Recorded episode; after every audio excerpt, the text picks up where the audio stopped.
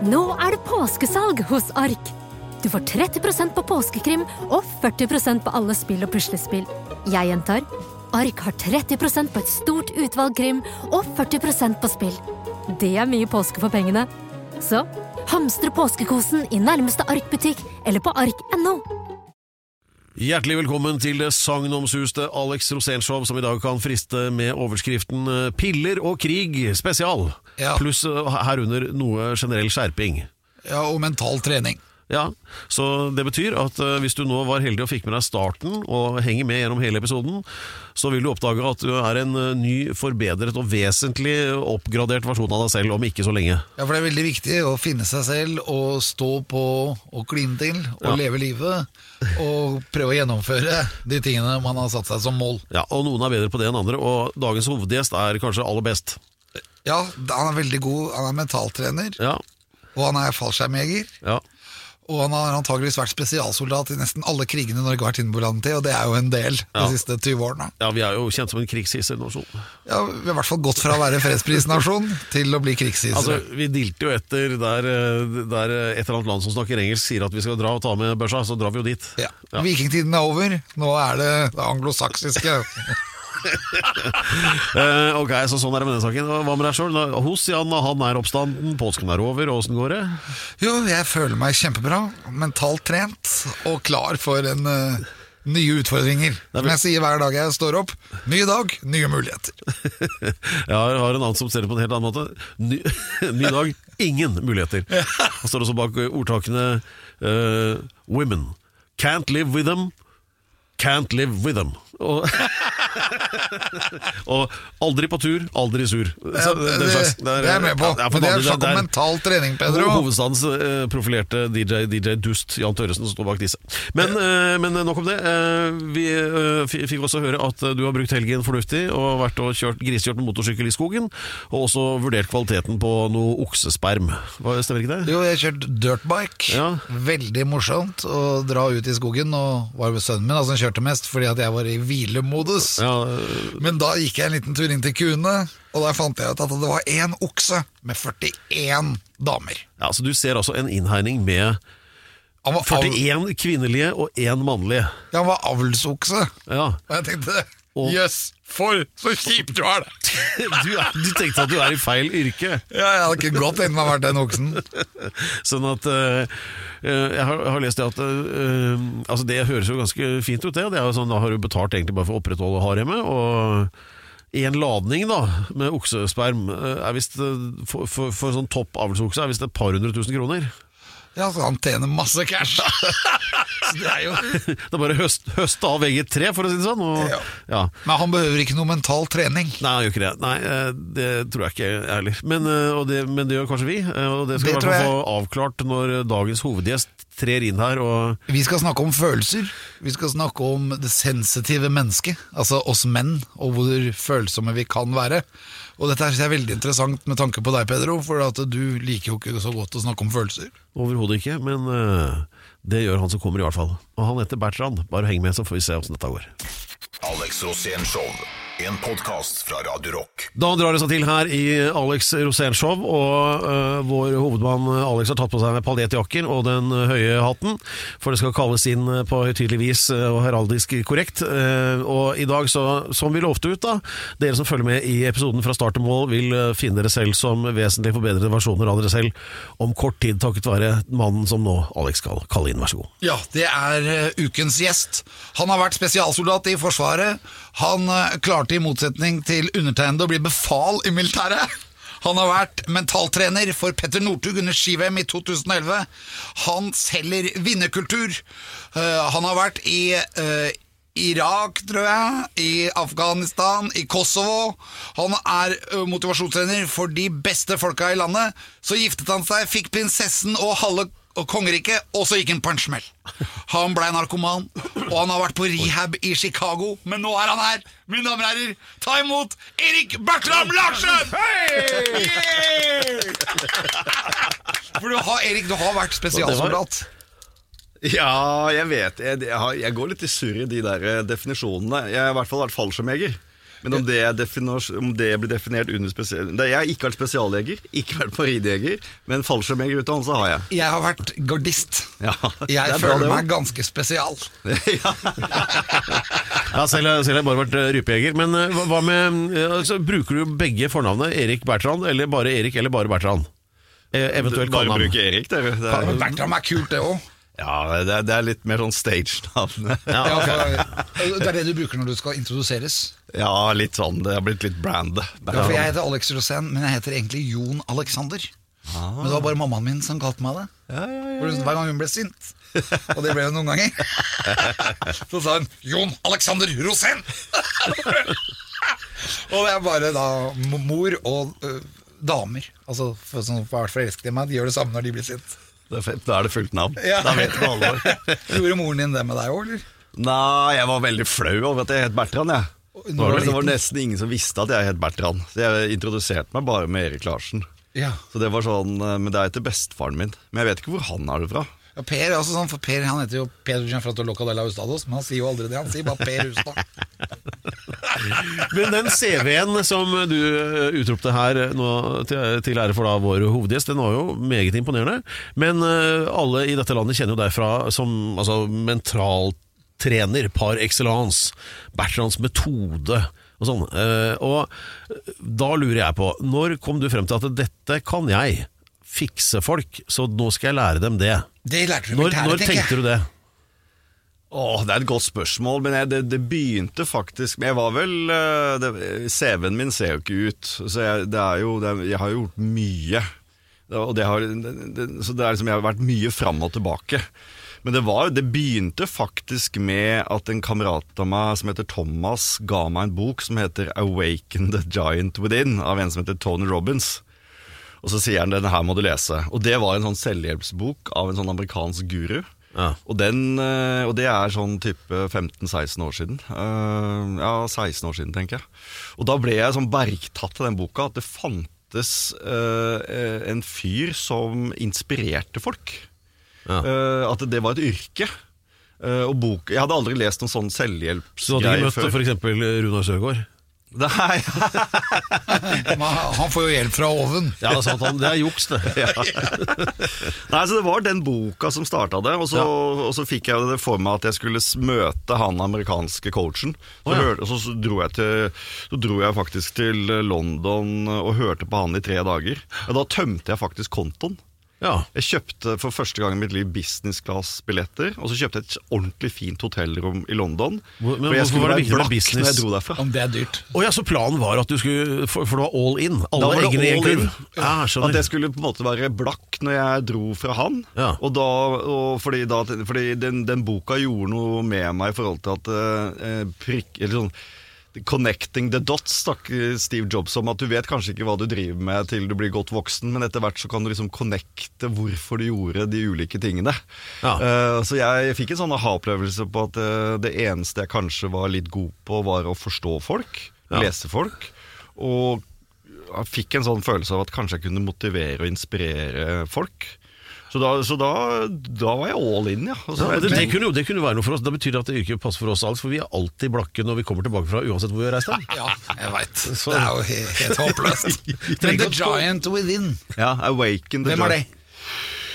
Ja, altså, ja den er jo skrevet av en sånn amerikansk Han er jo veldig kjent i mitt miljø. da Han heter Tony Robins, og er, han er jo han er svær på en verdensarena. Så han har jo liksom solgt millioner av bøker og har egne TV-show. Og det er en egen sånn greie på Netflix om han også. Men har alle en giant? Ja, ja, det var det du egentlig spurte om. Altså, han, han, han mener jo at alle har storhet i seg, da. At, at vi alle har mye mer i oss enn vi tror.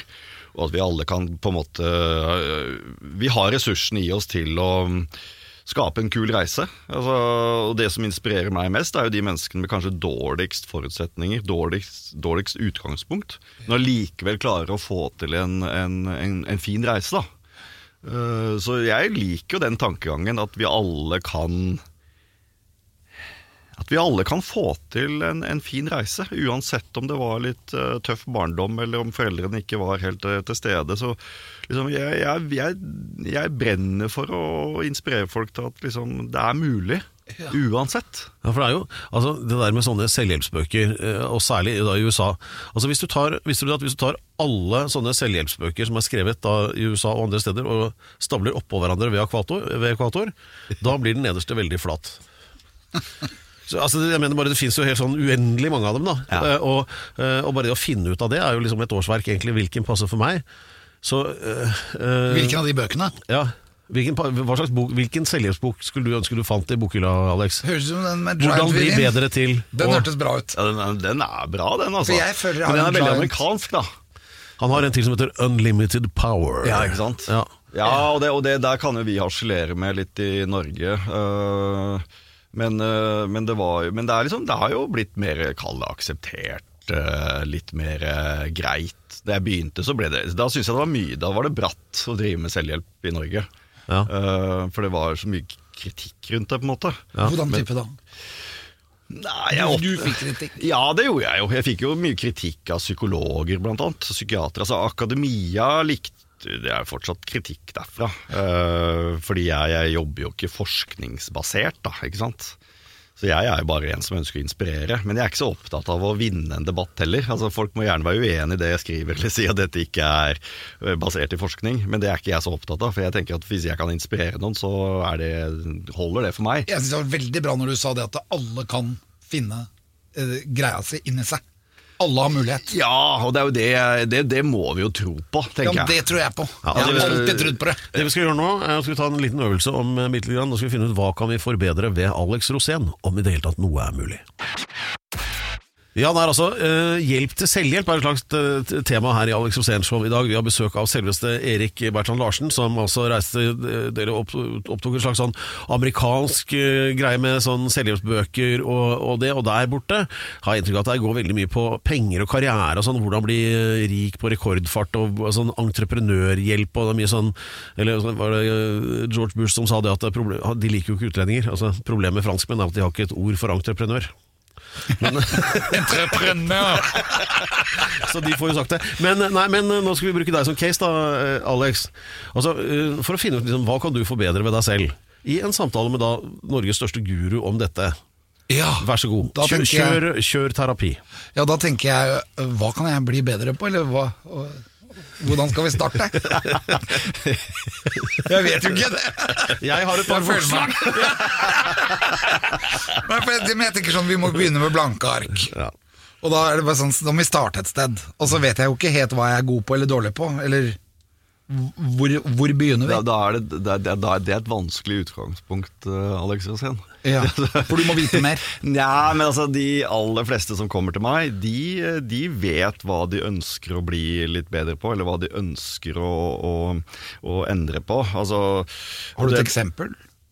Ja, altså det, for det, akkurat det der syns jeg er interessant. Da, for når jeg spør de som kommer til meg «Øh, hva kan jeg hjelpe deg med, så har de jo gode svar. Utfordringen for oss mennesker er ikke at vi vet hva som skal til for å bli en bedre utgave av oss selv. Det vet vi stort sett.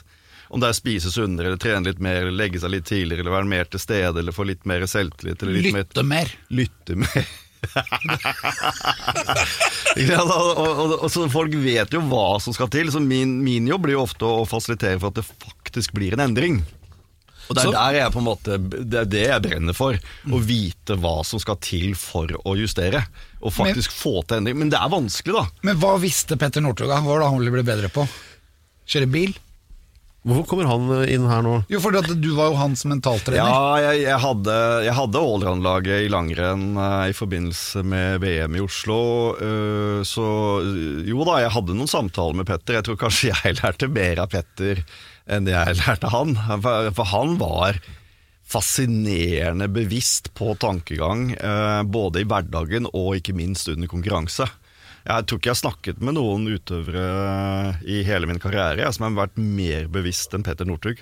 Altså han, øh, for eksempel jeg dro opp til Trøndelag øh, Jeg tror jeg, jeg, tror jeg blir tilgitt å fortelle dette her. Jeg, har liksom, øh, jeg prøver å være forsiktig med hva jeg sier om hva, hva vi har jobbet med, men, men det er ganske snilt det jeg sier nå. Altså, jeg husker jeg dro opp til Petter før VM og, og skulle ha såkalt scenariotrening med han Hva er det? Det er at jeg vil gå igjennom med han uh, hva han skulle tenke, og hvordan, skulle, hvordan han, skulle, han skulle agere på ulike scenarioer under femmila. For, for, det- for, For den varer jo en stund. Riktig. Og da kan det jo være veldig mange ulike eh, situasjoner som jeg mener at du må være forberedt på. Så hvis to svensker og en russer rykker på 15 km, hva gjør du da? Hva om det ikke er samla felt, eh, men det blir strukket på 30 km? Hva om eh, to russere rykker på 43 km, osv., osv. Så, videre. så jeg hadde laget meg 18 scenarioer som jeg skulle liksom preppe Petter på. Fordi at når du er sliten, når du har vondt, så er det vanskelig å ta rett beslutning. Ja. Du må, du må være forberedt på hva du skal gjøre. Så det er veldig mange utøvere som ikke er forberedt på ulike scenarioer. I Forsvaret var vi veldig flinke på det. Vi var forberedt på ulike scenarioer.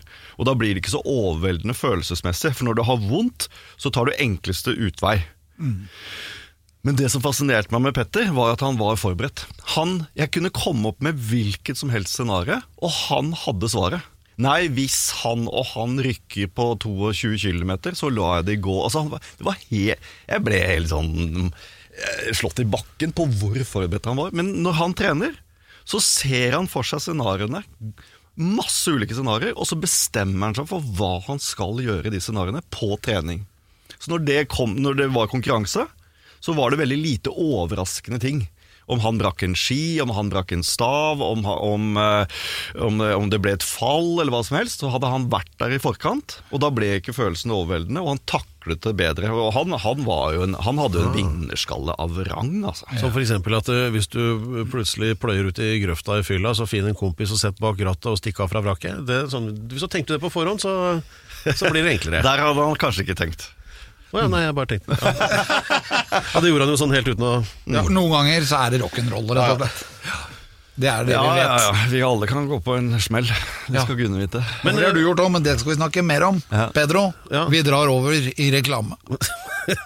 Ja, vi gjør det. La oss gjøre det. Alex Rosén Show. Det er uh, selvhjelp eh, spesial blant annet her i Alex Roséns Show i dag. Vi har besøk av Erik Bertrand Larsen, som uh, har råd for alle situasjoner. Men eh, noen ganger så har man ikke alltid det for seg selv, som vi forsto da, Alex. Nei, Man må være litt sånn klar i hjernen. Ja, der stopper det for noen. det er det det gjør! Skjønner hva du mener. Men, eh, nei, men ut ifra det du, du sier om Bertrand, da, så, så er jo det som er eksempelet vårt, da, at eh, selv om du har all, alskens gode råd til andre, så er det ikke bestandig de beste til seg selv.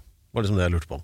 Ja, nei, det er det Jeg har jo vært ganske flink, føler jeg, til å hjelpe andre. Eh, også om litt sånn vanskelige, traurige ting. Jeg har jo ikke bare jobbet med såkalt eh, elitefolk som bare skal ta det siste kneppet, men jeg har jo fått lov til å bryne meg på folk som eh, som har det vondt og vanskelig òg, uten at de er sjuke, da. For jeg er jo ikke noe sånn, jeg er jo ikke noe psykolog. Men, eh, men, eh, men jeg har ikke Jeg har åpenbart ikke vært så flink til å hjelpe meg sjøl hele veien, nei. Nei, for du har jo vært ganske åpen på det at eh, plutselig så toucha du bånd. Ja, det var jo Ja, plutselig var det jo det Ja, øh, jo, jeg gikk jo på en kjempe I min verden, da, i min, min lille boble, så gikk jeg på en kjempesmell. eh, og det ble så dramatisk at jeg ble avhengig av eh, smertestillende og til dels sånn innsovningstabletter. Så jeg endte jo Og jeg misbrukte de eh, så til de grader at jeg endte opp på, på rehab, ja. Hva skjedde? Hva skjedde? Ja, det er eh, På rehaben så lærte jeg mye om hva som skjedde. Og så nå har det jo gått tre år, og jo mer jeg tenker på det, jo mer skjønner jeg at dette er komplekst og sammensatt. Men jeg, jeg hadde jo på en måte Det var mye bra i, i livet. Jeg, livet mitt har nok vært sånn opp og ned hele veien. Mange tenker at nå har han gått på sin første smell, liksom, men det er nok ikke helt riktig. Jeg, har jo, jeg føler jo på en måte at det har vært mye kontraster i livet mitt hele veien. Eh, Fra barndom til eh, opptur med Forsvaret og nedtur med en bilulykke og, og mye smerter. Og det har vært mye opp og ned, men, men eh, Dreier det seg om følelser? Ja, ja, ja, det er et godt spørsmål, Alex. Jeg, jeg, jeg tror at jeg, Det jeg har konkludert med, er at grunnen, Når du spør hva skjedde Jeg tror hovedgrunnen til at jeg gikk på en kjempesmell, er at jeg har en underliggende følelse av at jeg aldri har vært bra nok. Um, og den Jeg blir litt sånn skjelven i stemmen bare jeg sier det, fordi at uh, det, er, det, det, er den der, det er han lille gutten, sårbare, litt veike gutten, som egentlig eh, som, som, som har ligget der hele veien. Og så skulle jeg kompensere for å eh, være Altså, jeg, ble, jeg var veldig liten som gutt, altså liten av vekst, og jeg skar opp r-en, for det, gjør jeg fortsatt. Jeg lærte å prate på Vestlandet, men jeg bodde mye på Østlandet. Jeg var ekstremt dårlig i fotball. Jeg var fascinerende dårlig. Altså, jeg hevda meg, ikke, hevda meg ikke i idrett. Eh, Jeg var liksom redd jentene, og ble nok litt erta og mobba. Følte meg veldig på utsiden. Og så skulle jeg kompensere for dette her, og så skulle jeg bli en tøffing. Og det er noe hoved... Og så skulle jeg ha tilhørighet, og det fant jeg i Forsvaret. Og så skulle jeg bli en, jeg bli en ordentlig tøffing. Jeg skulle bli en harding, på en måte. Men så dro jeg den for langt, tror jeg. Og med den, der, den der følelsen at du ikke er bra nok, og når det begynte å rakne for meg på flere arenaer samtidig Jeg tapte masse penger i, i butikken min. Uh, det, ekteskapet gikk dårlig. Jeg hadde dårlig samvittighet for barna mine. Så begynte det sakte, men sikkert å rakne litt, og da tok jeg det der eh, voldsomt hardt, da, fordi at jeg var jo ikke bra nok.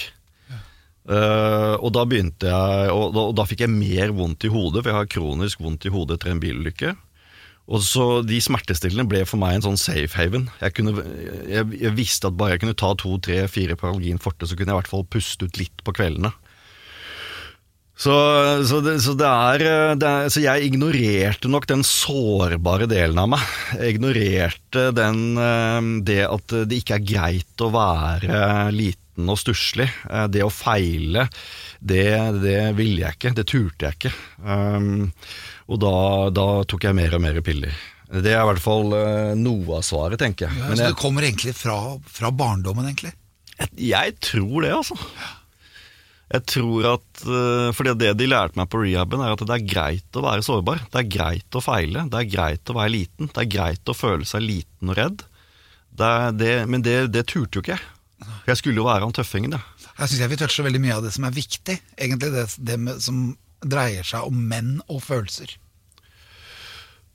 Ja, jeg tror at kvinner er bedre på dette her enn menn, og menn skal ikke vise svakhet. Og jeg skulle kanskje være han tøffe mentaltreneren, og, og jeg, jeg følte nok en større skam, for jeg forfektet jo suksess. Så det å på en måte gå på trynet selv følte jeg nok mer på enn kanskje mange andre hadde gjort. For jeg skulle jo fikse dette her sjøl. Men er det noe ut ifra det du har opplevd her, som du nå kan lære andre, som er ny informasjon for deg? Jeg tror, jeg tror det må gå på at det er, altså, følelser i seg selv er ikke farlige. Jeg tror, jeg tror at uh, når jeg har det vondt og vanskelig nå, uh, så, så aksepterer jeg at uh, jeg vil være i det. Jeg vil stå i de vonde følelsene. Vil, det, er ikke, det er helt greit å føle seg sårbar. Um, jeg kan ikke være glad, uh, jeg kan ikke være fornøyd, uh, jeg kan ikke ha lykke hele tiden. Tvert imot, jeg må ha begge deler. Um, og det, det på en måte tar jeg mer inn over meg nå. Så jeg tror at det å være Altså, følelser er jo aldri statiske, så, de, så, jeg, så hvis du har det vondt og vanskelig, så tror jeg det bare må Det, det, det det Du må ha det. Du, Du må, må du må ha det, du må stå i det. Og du må, jeg drar det så langt til å si at det er nesten bra å ha det. Ikke sant? Altså, Ville ha det litt vondt, ville ha det litt vanskelig, for det er forutsetningen for oss å kjenne på det motsatte. Så, så jeg vil Jeg vil, jeg vil vel mer jeg, liksom, jeg hyller jo mer nå at det liksom la de følelsene Altså, la de følelsene være. Altså, ha de. Ei de. Ja. Uh, gå inn i dem, kjenn på dem, vær nysgjerrig på dem. Ja, nå er, det, nå er det leit, nå er det trist, dette er vondt, dette er vanskelig. I stedet for å prøve det. Jeg ville jo ut av dem. Ja. Men det er jo en erkjennelse. Jeg ville numme dem, ikke sant? Du har kommet til en erkjennelse. Ja. Jeg er kommet til en erkjennelse at jeg er sårbar som rakkeren. Og, det, og, og, livet er brutalt. Og det er det for alle. Jeg har snakket med mange jeg, som får sjokk i 40-50-årsalderen fordi at de plutselig mister foreldrene sine, eller de er gjennom sin første skilsmisse, og liksom Er livet tøft? Eh, ja. Ja. Livet er brutalt. Alle skal til og med daue, liksom. Hvor brutalt er ikke det? Så, så det, er nok en, eh, det er nok noen erkjennelser her ja, som, eh, som, som gjør at jeg kanskje unngår å bruke stimuli i framtiden. Nå går eh, alarmen på telefonen din, Alex. Ja, den gjør det, for Det er parkeringa. av hva Det er du klarer å parkeringa. på, på en time. Ja, du, du vil ikke inn i den, den vonde situasjonen med bot. Nei. nei. Du vil jo bare ut av det. Ja, men det er veldig bra. Ja, men det, det var Erik. fantastisk. eh, Fantastisk. eh, Ja, det er jo Altså, å stå i det, sier du. Altså, ok, du har motgang, da. Så da, Det kan går an å tolke på to måter. Ok, du, Kanskje du trenger støtte, du trenger- men på den annen side så sier du egentlig bare, som jeg sier noen ganger, sånn buhu. Jaha, det er tøft. Deal with it. Man up. Men det, kan man ikke, det er ikke lov å si, det, for det er ikke følsomt nok.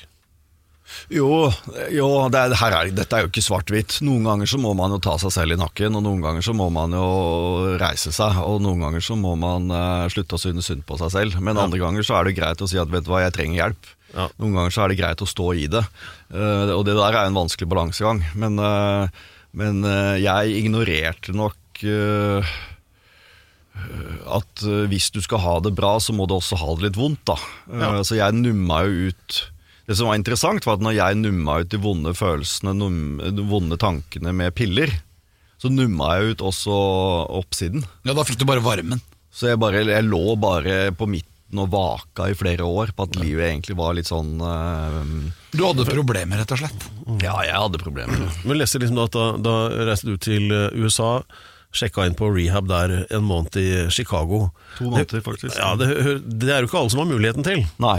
Eh, Så hva de kan gjøre, det kan vi komme tilbake til om litt. Det er altså det pent oppussede Alex Rosén-show. Tusen takk. Vær så god, ingen årsak. Vi har besøk av selveste Erik Bertrand Larsen. Og eh, det er egentlig sånn ta deg sammen, skjerp deg på riktig vis eh, spesial eh, i dag. For det er noe eh, herværende Bertrand da, er ekspert på. Og, så er både på om- egne og andres vegne. Og så er det snakk om følelser. Ja, Menn det er jo og følelser. Ja, jeg vil jo at du også skal bli litt bra på det, da. Ja, men du har Så du skal bli litt obs på hva, hvilke følelser inni deg du egentlig har å gjøre med. Ja. Det stoppa der, ja. Tenkte meg det. Ja, men det er ikke så lett dette her, for menn er ikke vant til å snakke om følelser.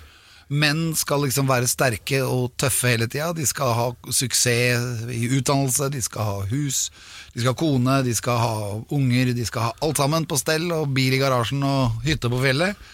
Og så går det ikke helt sånn. Og så Da er jo menn i en sånn situasjon at de kan eksempel bli selvmordskandidater. Da. De topper disse statistikkene, og det er Erik Bertram Larsen, du har jo vært midt oppi dette her på en måte. Og du har jo fortalt det også i pressen. Og, men hvor var Er det noen vei ut av det? Hva, hva, hva, hva har du lært av det? Altså Menn snakker mindre om følelser enn kvinner, det det er jeg hellig overbevist om. Eh, Men jeg tror det er bra å snakke om følelser. Eh, Jeg merker når jeg coacher at kvinner setter lettere ord på det, fordi de er bedre trent på det, rett og slett. Ja, for de, jo, de har jo morsinstinktet. De får ett egg i måneden. Og da kan man få morsinstinkt for ett egg, ikke sant? Mens menn har 80 millioner sædceller i døgnet. Det er et Japan i døgnet. Det er vanskelig å få farsfølelse for et Japan.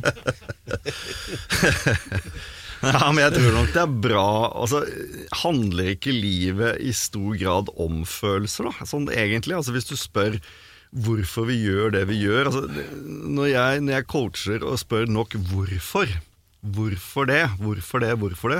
Så koker jo alt ned til at vi, vi mennesker slåss jo for de gode følelsene. De komfortable følelsene. De ok følelsene. Det er det vi slåss for hele tiden. Eh, så hvis noen sier til meg at Lykke er vel viktig, det. Ja, altså mange, mange vil jo ha mest mulig lykke, eller det jeg kaller for godfølelse. da. Lykke mener jeg bare vi får sånn glimtvis her og der. Den forsvinner jo ganske kjapt også. Men vi vil jo, vi, om vi spiser, så vil vi ha en følelse av å være mett. Hvis vi kjører en fin bil, så er det kanskje for å bli sett, eller fordi du liker den bilen. Hvis du har lyst på en karriere, så er det jo identitet. Hvis du har lyst på penger, så er det jo det fordi at det skaper deg trygghet. Hvis du har lyst på kjærlighet, så er det åpenbart også pga. følelser. Altså, livet handler jo veldig stor grad om følelser, når du koker det ned. Vi ønsker mest mulig av, de, mulig av de gode følelsene. Men for å få de gode følelsene, så brenner jeg veldig for at da må vi erkjenne at vi også må kjenne på det, det vonde, det ubehagelige. Hva hadde dag vært uten natt? Hva hadde lys vært uten mørke? Hva hadde ubehag vært uten velbehag? Altså, vi, vi må ha kontraster for å leve sterkt. Man må vite hvordan det er å ha det vondt for å ha det godt. Absolutt. Og der mener jeg at mange, og det provoserer jeg nok noen med å si, men det er der jeg mener at veldig mange mennesker eh, kåler til livet sitt eh, fordi de bare er i det komfortable mest mulig. De, de søker mest mulig enkleste motstands vei. Og det er helt naturlig for oss, for vi er trygghetssøkende mennesker som art. Oh, har jo Det er deilig å ha det komfortabelt, da. Ja, det er deilig å ha det komfortabelt. Ja. Uh, og det er det vi naturlig søker. fordi at vi, vi har jo i tusener av år levd i en brutal verden. ikke sant? Altså, Ja. hvis, du voks, hvis du tenker deg tilbake 100 000 år, da, Ja. så, så var det jo brutalt å bare overleve fra dag til dag. Jo, jo. Men, eh, men eh, fullt så gærent er det jo ikke nå, da. Nettopp. Så vi, i dag så er det jo egentlig rom for at vi kunne leve sterkere, men allikevel så søker vi mest mulig komfort. Og jeg sier ikke at det er galt. Nei, Nei altså komfort eh, altså, Følelsesmessig komfort, da, for å kalle det noe. Det der at, eh, For jeg har jo inntrykk av at eh, når man går menn altså, Mannfolk jeg kjenner litt sånn inn på klingen, du skjønner at de ikke har det helt bra. Da er det jo alltid fordi de bekymrer seg for noe. Er så bekymra for at det kan skje, det kan skje. Det er ikke ting som har skjedd, det er ting som kan skje. Eh, og, eh, og, og veldig ofte det at da vil alle skjønne at jeg er en tulling. Altså At du blir liksom avslørt som noe du ikke ønsker å vedkjenne deg. Og begge de to tingene der sånn, og egentlig bare prøv bare Vær den du er, da. Det er som regel bra nok å innrømme det for deg selv og andre, så går det jo mye greiere. Men jeg tror det kanskje er verre i dag jeg, enn det var før. Fordi Ja, det er så mye mer forventninger til deg. Ja, jeg, jeg kan Ja, det, jeg syns det er interessant, fordi øh, det kommer veldig an på hva mannen identifiserer seg med. Hva, hvor er det han henter trygghet og selvtillit? Hvor er det han henter identitet? Og jeg har snakket med veldig mange som henter sin identitet i form av karriere, eller hvor de bor, eller hvem de kjenner, eller hvem de omgås. Og hvis de da mister det, så blir det jo knallhardt. Sant? Men da er det som du sier, at hvis de har en identitet på at jeg er god nok som jeg er, som menneske, så er det et godt utgangspunkt. Men det er veldig mange som knytter sin identitet opp mot en status. Og da blir det ofte veldig, veldig traurig. Eh, Jeg har jo snakket med de som, som ser på karrieren sin som det viktigste. Eh, og det er der de på en måte har eh, De henter mestring, og det er der de henter anerkjennelse, og det er der de på en måte Men er det det? Er det er det, det viktigste? I min verden er det jo ikke det. Nei, Men jeg, hva den, er det viktigste? Ja, det, jeg er jo veldig Jeg, jeg prøver jo som, som coach å, å, å, å ikke definere for andre hva som er suksess. Altså, jeg, jeg, jeg er veldig det, det, Dette her brenner jeg voldsomt for, da. Folk må tørre å stille det spørsmålet du stiller meg nå. Det må folk tørre å stille seg. Hva er viktig for meg? Og da kommer vi inn på det jeg kaller for verdier. Hva er viktigst for meg i livet? Og det som viser seg, Hvis du ser på forskningen, altså, så, da er det jo relasjoner. ikke sant? Gode venner, gode familierelasjoner. Helse er jo fordømt viktig. Hvis du ikke har helsa di, hva, hva slags far eller ektemann du, kan du da være? Eh, Kjærligheten er for meg den største. Kjærligheten til medmennesker, kjærligheten til en kjæreste, kjærligheten til barna mine. Så for meg er den viktigste verdien kjærlighet. Ehm, så så er, jeg tror det er ekstremt viktig å tørre å tenke hva er viktig for meg. For det som er utrolig trist, det er jo når jeg snakker med menn som er 50-60-70, og så sitter de og gråter på kontoret mitt. Fordi de aldri har stilt det spørsmålet du stilte meg, Alex. Hva er viktig for meg? Og så har de levd på akkord med hva som egentlig er viktig for meg. I tiår etter tiår. Og så skjønner de at livet varer ikke evig. Og så skjønner de at oi, jeg har ikke tilbrakt tiden med venner, eller jeg har ikke tilbrakt tiden med barna mine, eller jeg har ikke sett på hva som faktisk var viktig med den jobben jeg gjorde. Jeg jaget feil premisser. Det er jo det er, det er jo litt trist, da. Ja, på har et eller annet tidspunkt så begynner du å få dårlig tid. Nettopp. Og da blir de lei seg, og så skjønner de at de har jo ikke turt å tenke. De har latt seg forlede av hva som egentlig er suksess. For hvis du ser på sosiale medier, eller medier generelt, eller hvis du ser liksom, Hva er det vi blir bombardert med hver eneste dag? Det, det er jo ekstremt lett å la seg forlede av hva som er suksess. For jeg ønsker jo Jeg, jeg vil jo Jeg tenker at alle mennesker i utgangspunktet blir født rene. Jeg tenker alle fortjener en fin reise, tenker jeg. Men da må vi tørre å tenke. Hva er en fin reise? Hva er viktig for meg? Ja. Og det er, og det er, det er, ikke, det er ikke bare bare. Det, er Altså. jo, Pedro, du det, hører det? det du sier der, det er jo ja. Vi må tørre å tenke. Ja. Ok, det skal jeg notere her på en liten gulapp Men det som Bertrand sier der, det er jo egentlig synopsiset i verdens beste film, 'Citizen Kane' fra 1941. Og, som også er altså det der at man øh, har, har ikke stilt seg selv det spørsmålet der, hva er det egentlig viktige for meg? Eh, som i hans tilfelle var kjelken. Ja, det er spoiler, da. Rosebud. Men, eh, men det er også sånn når man leser i avisen altså, millionær, eller milliardær tok selvmord. Og da er det sånn Hæ? Hvor, det går ikke opp. Det kan jo ikke altså, du, du, Men naturligvis, ikke sant? det kan jo hende at eh, man har alt, men, men allikevel ingenting. Og ja, nå var det min parkering, nå, Alex. Jeg beklager det. det er, sånn er det. Begge avslørt som eh, bilister i Oslo sentrum. Eh, gå tilbake og klippe ut det og til. Vi må tørre å tenke, Per. Ja, vi må tørre å tenke litt mer på det. Men, eh, nei, men altså, altså Man kan tilsynelatende ha alt, men allikevel ingenting. Det er det som egentlig er poenget her, da. Så, men, men så tilbake til den der coachingen din. Altså det der, ok, Man skal tørre å se seg i speilet, finne ut hva skal man forbedre. Og så er det måter å gjøre det på, da.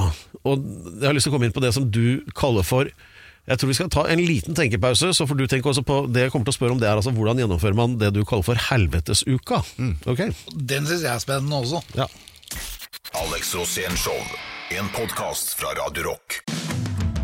Sommer, vinter, høst eller vår. Uansett hva du trenger til hjemmet, byggeprosjektet, bilen eller fritiden, finner du det hos Biltema. Hvorfor betale mer? Per, ja. du er veldig pen nå, men Ja. vi begynner nå. Ja, Vær så god. det. Takk for det, takk for det. det er, eh, jeg vil si at det er eh, Groundhog Day mentalt sett eh, spesial i dag i Alex Rosén Show. Og vi har fått da Erik Bertrand Larsen med på at det som gjelder, det er å skjerpe seg. Ja, For, for det, litt, det, det gjelder deg, Per. Ja. Du må skjerpe deg. Ja, sånn var det. Men, nei da, men eh, å, å identifisere et problem med seg selv og tørre å erkjenne at det faktisk er der, da, veldig ofte mentalt, og at eh, man skal prøve å bli litt mer fornøyd med seg selv og ikke liksom, bekymre seg. Og så dreier det seg om å være til stede nå. Ja. Altså, du må være her nå, Per. Nett- Nettopp, det det er det jeg skal inn på. Bra. Men hvis du prøver å få i gang en sånn prosess, da, fordi eh, mange går gjennom livet og er der hele veien. Så hva gjør du for å komme ut av den sirkelen der, egentlig, Bertrand? Hva, Det er, det, det, er, det, er jo, det, er, det er jo en sånn Holdt på å si det er trist. Eh, ma ma- mange som kommer til meg er jo veldig opptatt av det som skal skje i fremtiden. De kan angre på mye i fortiden, og så er det dette at de higer etter noe i fremtiden. Og det kan være vel og bra, men det må balanseres. Eh, Så jeg tror jo at det er viktig å være mer til stede i nuet. Eh, Og i dagens samfunn så er jo det utfordrende, men, eh, men det å være til stede i livet her og nå tror jeg har en, en, en enorm verdi, da. Hvis du hele tiden tenker fremtid, hvis jeg kommer dit, eller hvis det går bra, eller hvis jeg klarer det, så, så blir ting bra. Men det er, jo, det er jo ikke slik at hvis du liksom metaforisk sett blir olympisk mester, så er det jo ikke det øyeblikket du ble olympisk mester så du skal, leve for resten av livet.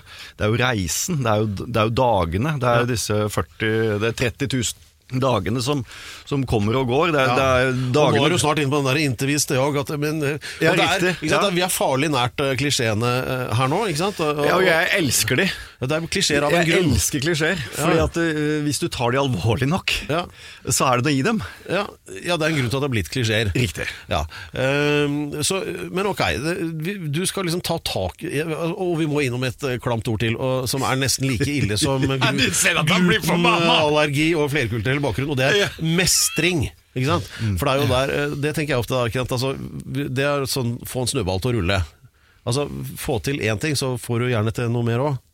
Er, er det en sånn metode Ja, jeg, jeg sier litt av mye. Jeg er jo opptatt av at hvis du, hvis du skal få til Eh, Det skal gjerne mindre til enn man tror. Altså, Mange har denne her med, med kosthold og trening, f.eks. Uh, og da er det jo veldig mange som sier nå skal jeg begynne å trene, og så, tar de, eh, og så har de en ambisjon om å trene fire-fem ganger i uka, eller nå skal jeg begynne å spise sunt, jeg skal kutte ut sukker.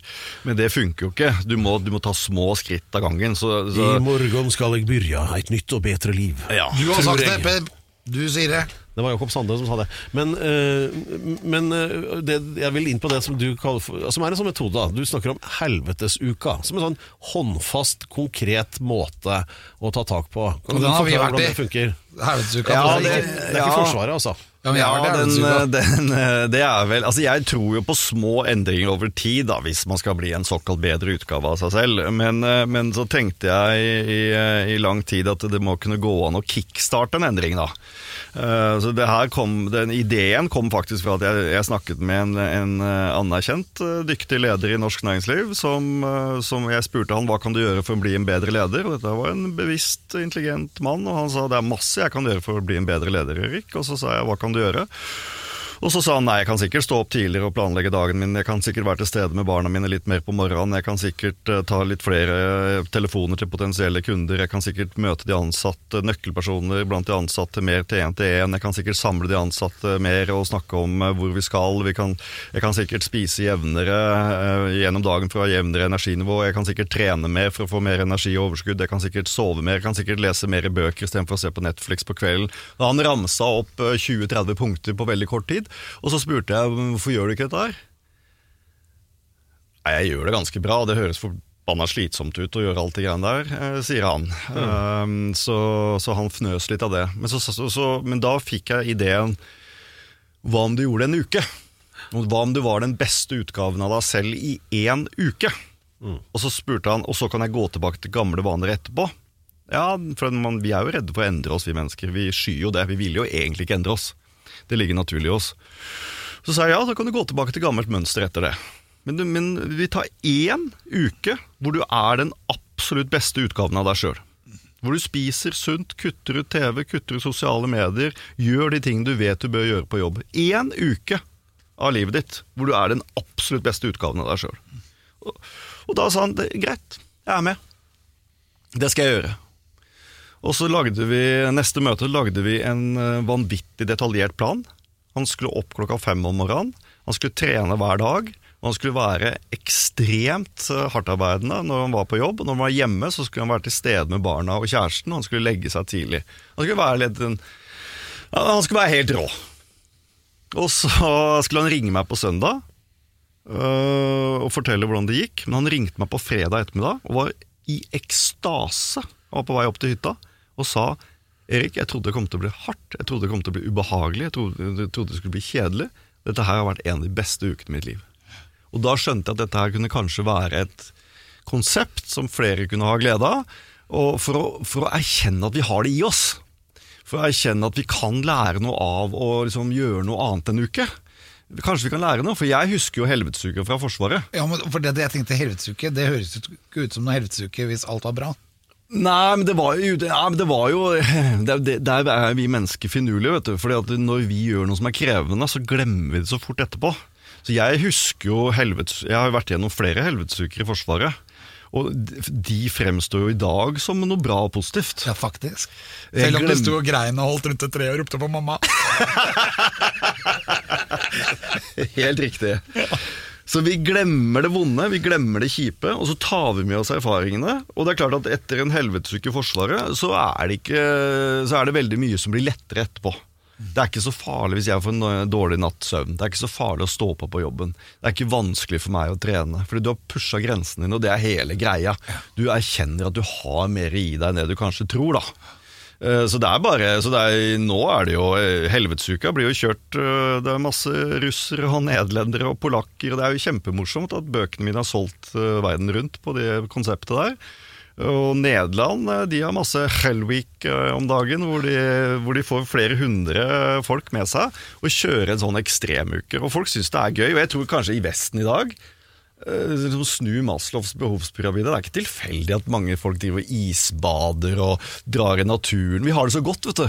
At jeg tror at det å kjenne litt på ubehaget er litt sånn bra for oss. For det var som du var inne på tidligere, Per. Vi har det, det er godt å ha det komfortabelt. Men innimellom så er det kanskje bra å shake opp livet litt. Det er som med følelsene inni deg. For minus og pluss. Skal du ha en god følelse, så må du ha et par vonde følelser. Ja, jeg mener, ja, det jeg mener hvis du kjører en helvetesuke, da. Du kan jo du kan jo lage den akkurat sånn som du vil. Og da er det ikke helvetesuke. Nei, men du, Helvetesuke, det er null søvn, null mat. Eh, en fyr som kaster CS-granater på deg. jo mer, Gassmaske og Ja, ja, ja. oppoverbakke hele tida. jo mer krevende det er, da, jo mer godfølelse får du på den søndagen. Så du må slåss for godfølelsen litt, da. Så når jeg kommer fra to uker fra Hardangervidda nå, Og når jeg kom eh, Jeg ble henta på Haugastøl. Og når jeg får den iskalde øl eh, Nei, det var en cola, faktisk. Den var god Det uansett. var, ja, og så en pølse på Statoil. Eh, Det het vel ikke Statoil lenger, men uh, altså, Jeg skjønner, jeg skjønner greia. det, var, det, var, altså, det var helt fantastisk. Ja, det er så det deilig. altså, jeg fikk da lykkefølelse Ja, av en pølse. ikke sant? Og det er fordi jeg turte å, å gå utenfor da, i komfortsonen litt. Grann. Og det, det tror jeg vi mennesker i Vesten i dag eh, kan ha litt godt av. da. Vel, jeg får gåsehud, jeg nå. Ja, det er sikkert du tenker på den der isbadinga, for det hadde jo du litt uheldig erfaring med. Ja, det er rett som det er, men jeg tenker også på Helvetesuka. Konsept Helvetesuka. Jeg har vært i Helvetesuka, Ja. og jeg har vært helt utkjørt. Men eh, de to-tre dagene hvor det var pliktsøvn og vi måtte komme tilbake igjen, det, det ble, ble bedre og bedre i kroppen. Og når alt var over, så har jeg jo aldri vært så bra. Euforisk. nesten. Ja, det er euforisk, for du får payback. Men det var interessant, altså, for at eh, Ok, så for en varig forandring, eh, men eh, innført på kort varsel, sett opp en liste, mm, altså lag en timeplan for det som er Altså alle forbedringer du kan tenke deg at du kan ha godt av selv. Innfør det i en kalender liksom, over kommende uke. Gjennomfør det, og ta det derfra. Det, sånn nå har jeg ødelagt salget for bøkene dine, Bertrand. Beklager det. Vær så god. Takk. Dette er eh, Alex Rosén-show. Ja, det er velrenommerte. Og det handler altså om eh, selvforbedring og det å gønne på. Det er et av dine begrep, eh, Bertrand. Gønne, det betyr jo gønner. altså revolver. Ja, Ja, ja, det er ikke- det er ikke fullt- bidratt til at det ble litt mer brukt, kanskje. Men vil, vil, vil du vite hvor det kommer fra, det ordet? Altså, gønn, gønne, altså gun, da. Våpen. Det er jo som veldig mye annet norrønt det kommer herfra. Eh, og det er kortform for Gunhild. Gun, Gunhilder, som altså betyr egentlig krig. Vi går til Så, så gun er også et uh, norsk ord, men, uh, men det var jo litt sånn beside the point. Veldig, dette er veldig morsomt med Pedro. Han, det er ikke, var- han er ikke så bra til å snakke om følelser, men han er veldig bra på ord og hvor de er fra. Men, uh, ja, nei, men Det var litt avsporing, da. Men altså, bøker, TV-program som vi kjenner herfra. eh, Du har også din egen podkast, Bertrands univers. En ting du har til felles med denne podkasten, altså Alex Rosénshow, er at begge har hatt eh, Märtha Louise som, som gjest. Og så har vi begge et univers. Erklærte dere begge to som hypersensitive? Det har Ja. dere til felles. Nei, hun erklærte meg som hypersensitiv, Ja, men hun erklærte om... vel deg som sensitiv. Ja, ja hun, snak, hun mente at jeg var sensitiv, ja. Eller ja, jeg vet ikke hvilken Hva, hva, hva, hva, hva følte du ved deg som er sensitivt? Ja, hun har nok rett i at jeg er jo en følsom fyr. Jeg lar, altså, livet mitt styres av følelsene mine, og jeg er veldig var på Det hun hadde veldig rett i, det er at jeg er veldig var på kritikk. Og Det er jo nok fordi at jeg er veldig selvkritisk i utgangspunktet, men jeg er veldig følsom, altså. Det er mye øh, på godt og vondt, tror jeg. Jeg tror, Ja, nei, gråter du? ja, jeg, jeg er lettrørt. Uh, på rehaben gråt jeg bøttevis. Øh, kanskje skulle vært tøffere til å gråte mer. Men øh, med de som kjenner meg godt, vil nok si at jeg er en følsom fyr, og være mye av, kall det, energien og hvordan folk rundt meg har det. ja. Og det tror jeg kanskje er noe av grunnen til at jeg har fått det litt som coach, er jo fordi at jeg er veldig opptatt av å forstå folk, og hvor er du egentlig nå? Hva er det som egentlig foregår? Var du en bra medsoldat? Ja, jeg tror det, altså. I Forsvaret var de jo flinke til å gi tilbakemeldinger. Eh, Jeg var ikke så flink som sersjant, men jeg turte å spørre hvorfor jeg ikke var så god som sersjant, og så tror jeg jeg ble bedre da etter hvert. Um, Men jeg var nok litt sånn eh, De første årene i Forsvaret var jeg litt sånn grå mus. Jeg var veldig sånn eh, opptatt av å bli likt og gjøre jobben min. Og for å åpne seg så må man jo føle en slags trygghet også. Ja, og det, det fikk jeg i Forsvaret, da. For at det ble så gjennomsiktig hvem vi var etter hvert. Så vi kunne liksom ikke spille en rolle.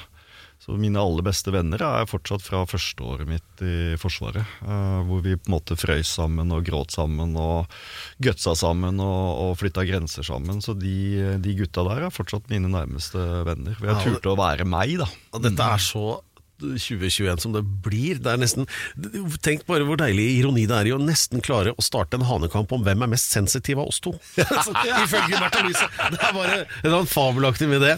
Eh, Så kan stille spørsmål til dere begge. da Hvis det ikke hadde vært for Durek, da Jeg følger Durek på Instagram. Jeg, Ja, ja, jeg må du bare se bort. Durek. Du prata det bare bort. Jeg vet at dere har softspot for Märtha begge to, men eh, så det var ikke det. Eh, La oss heller ja, høre hvil- hvilke Ja, ikke sant. Så blei du varm i hatten da jeg så det. Men eh, Bertrand, hva med, hva med liksom nærmeste fremtid? Verden har jo vært stått på hodet et år, men nå er det jo snart over, håper vi. Hva er dine planer? Hva skal du satse på framover? Ja, det er hyggelig du spør om det. Nei, jeg, jeg går mer digitalt nå, så nå er det denne podkasten som du var inne på, som jeg legger litt i, og det syns jeg er fryktelig gøy. Um, jeg har bare hatt uh, noen få episoder, men det, men det har jeg virkelig lyst til å fortsette med. Og så blir det litt foredrag Det blir foredragsturné i september, hvis Ja. verden tillater det. Og så driver jeg og lager et online-kurs. Eh, Så nå har jeg nesten ikke noen én-til-én-samtaler eh, igjen. Eh, Nå er det at jeg prøver å lage produkter som blir blir ålreite på nett, rett og slett. Ja. Så der, så der har jeg samarbeid med en, en kar fra Gjøvik, så vi, vi går sånn all in på å digitalisere mentaltreninga. Hvor kan folk finne det? Det De finner mye på bertrand.no, eh, så der blir det lagt ut en del produkter etter hvert. da. Så hyggelig du spør om det. altså. Det, så det, går, det er podkast og online-kurs og forhåpentligvis noen foredrag ute i september som er fokuset mitt nå.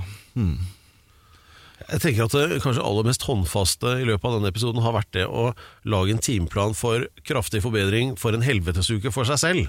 Jeg kan Er, er du hypp på det, Alex? Nei, du skal ikke lage for lage en meg. time Jo, Jeg jeg. visste at du kom til å gå med Og så skal du løpe! Og det hadde du likt. Ja, Å være min sersjant. Ja, jeg skulle vært interessant hele helvetesuka. Stått og spist sjokolade mens jeg kasta CS-granater på deg. Da, da er ikke begrepet helvetesuke sterkt nok. Nei, Nei. det er faktisk ikke det. Nei, fytte rakker. Veldig bra. Tusen takk for besøket.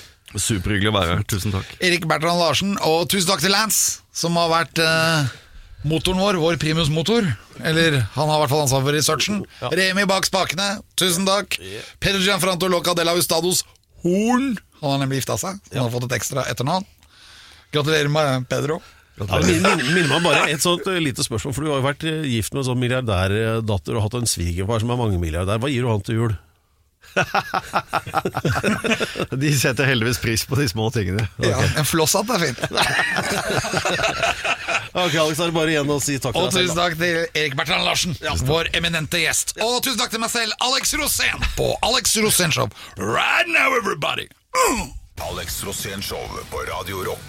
Ny episode hver fredag der du finner dine podkaster. Radio Rock.